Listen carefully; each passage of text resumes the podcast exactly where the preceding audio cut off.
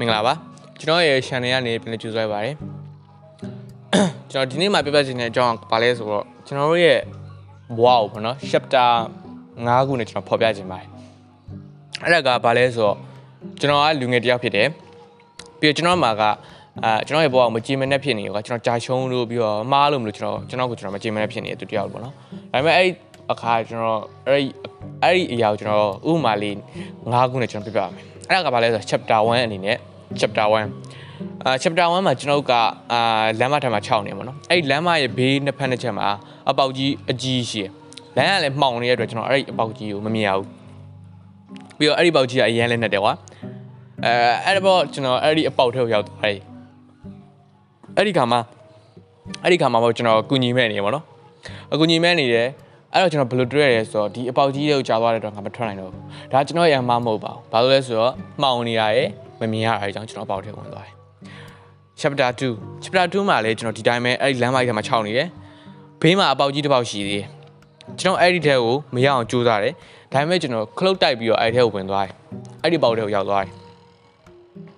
ဒါလည်းကျွန်တော်အမမဟုတ်ပါဘူးဘာလို့လဲဆိုတော့အဲ့ဒီမှာထိနေတဲ့ခဲလုံးရဲ့အမပေါ့နော်အဲ့ဒါကိုတိုင်ပြီးလို့မလို့ကျွန်တော်အဲ့ထဲကိုရောက်သွားတယ် okay chapter 3ကိုပြောပြမယ် chapter 3မှာကျွန်တော်ကအဲ့ဒီလမ်းမတွေကိုအဲ့ဒီလမ်းမပေါ်မှာပဲကျွန်တော်ခြောက်နေတယ်စောနာကကျွန်တော်တို့အပေါက်ကြီးလည်းရှိတယ်ကျွန်တော်အဲ့ဒီပေါက်ကြီးကိုဒီတစ်ခါတော့တေချာမြင်နေပေါ့နော်မကြောက်အောင်ငါကြိုးစားတယ်ဒါပေမဲ့ကျွန်တော်အဲ့လိုတစ်ခါထက်ပြုတ်ကြသွားပြန်တယ်ဒီတစ်ခါတော့ကျွန်တော်အမှားပြုတ်သွားပြီကျွန်တော်မြင်ရသားနဲ့ခလုတ်တိုက်တဲ့အရာကိုလည်းမြင်ရသားနဲ့ကျွန်တော်ရှေ့ချော်ပြီးအဲ့ထက်ကိုကြာသွားတဲ့အတွက်ဒါကျွန်တော်အမှားပြုတ်သွားပြီ chapter 4 chapter 4မှာကျတော့ကျွန်တော်အဲ့ဒီလမ်းမကြီးကိုပဲရှောင်နေတယ်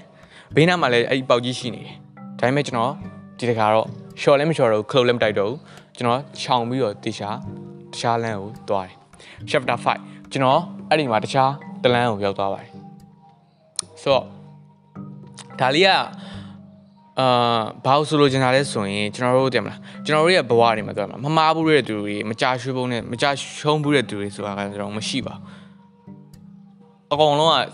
ကြာရှုံးဘူးတယ်မှားဘူးတယ် ပထမအချိန်မှာကျွန်တော်တို့ကကြာရှုံးဝင်မကုကိုအပြစ်မတင်ကြဘူးဘာလို့လဲဆိုတော့ကျွန်တော်စင်ဂျီရီနဲ့ပဲကျွန်တော်တို့ကိုကိုပို့ပြီးတော့ကာဝယ်ကြတယ်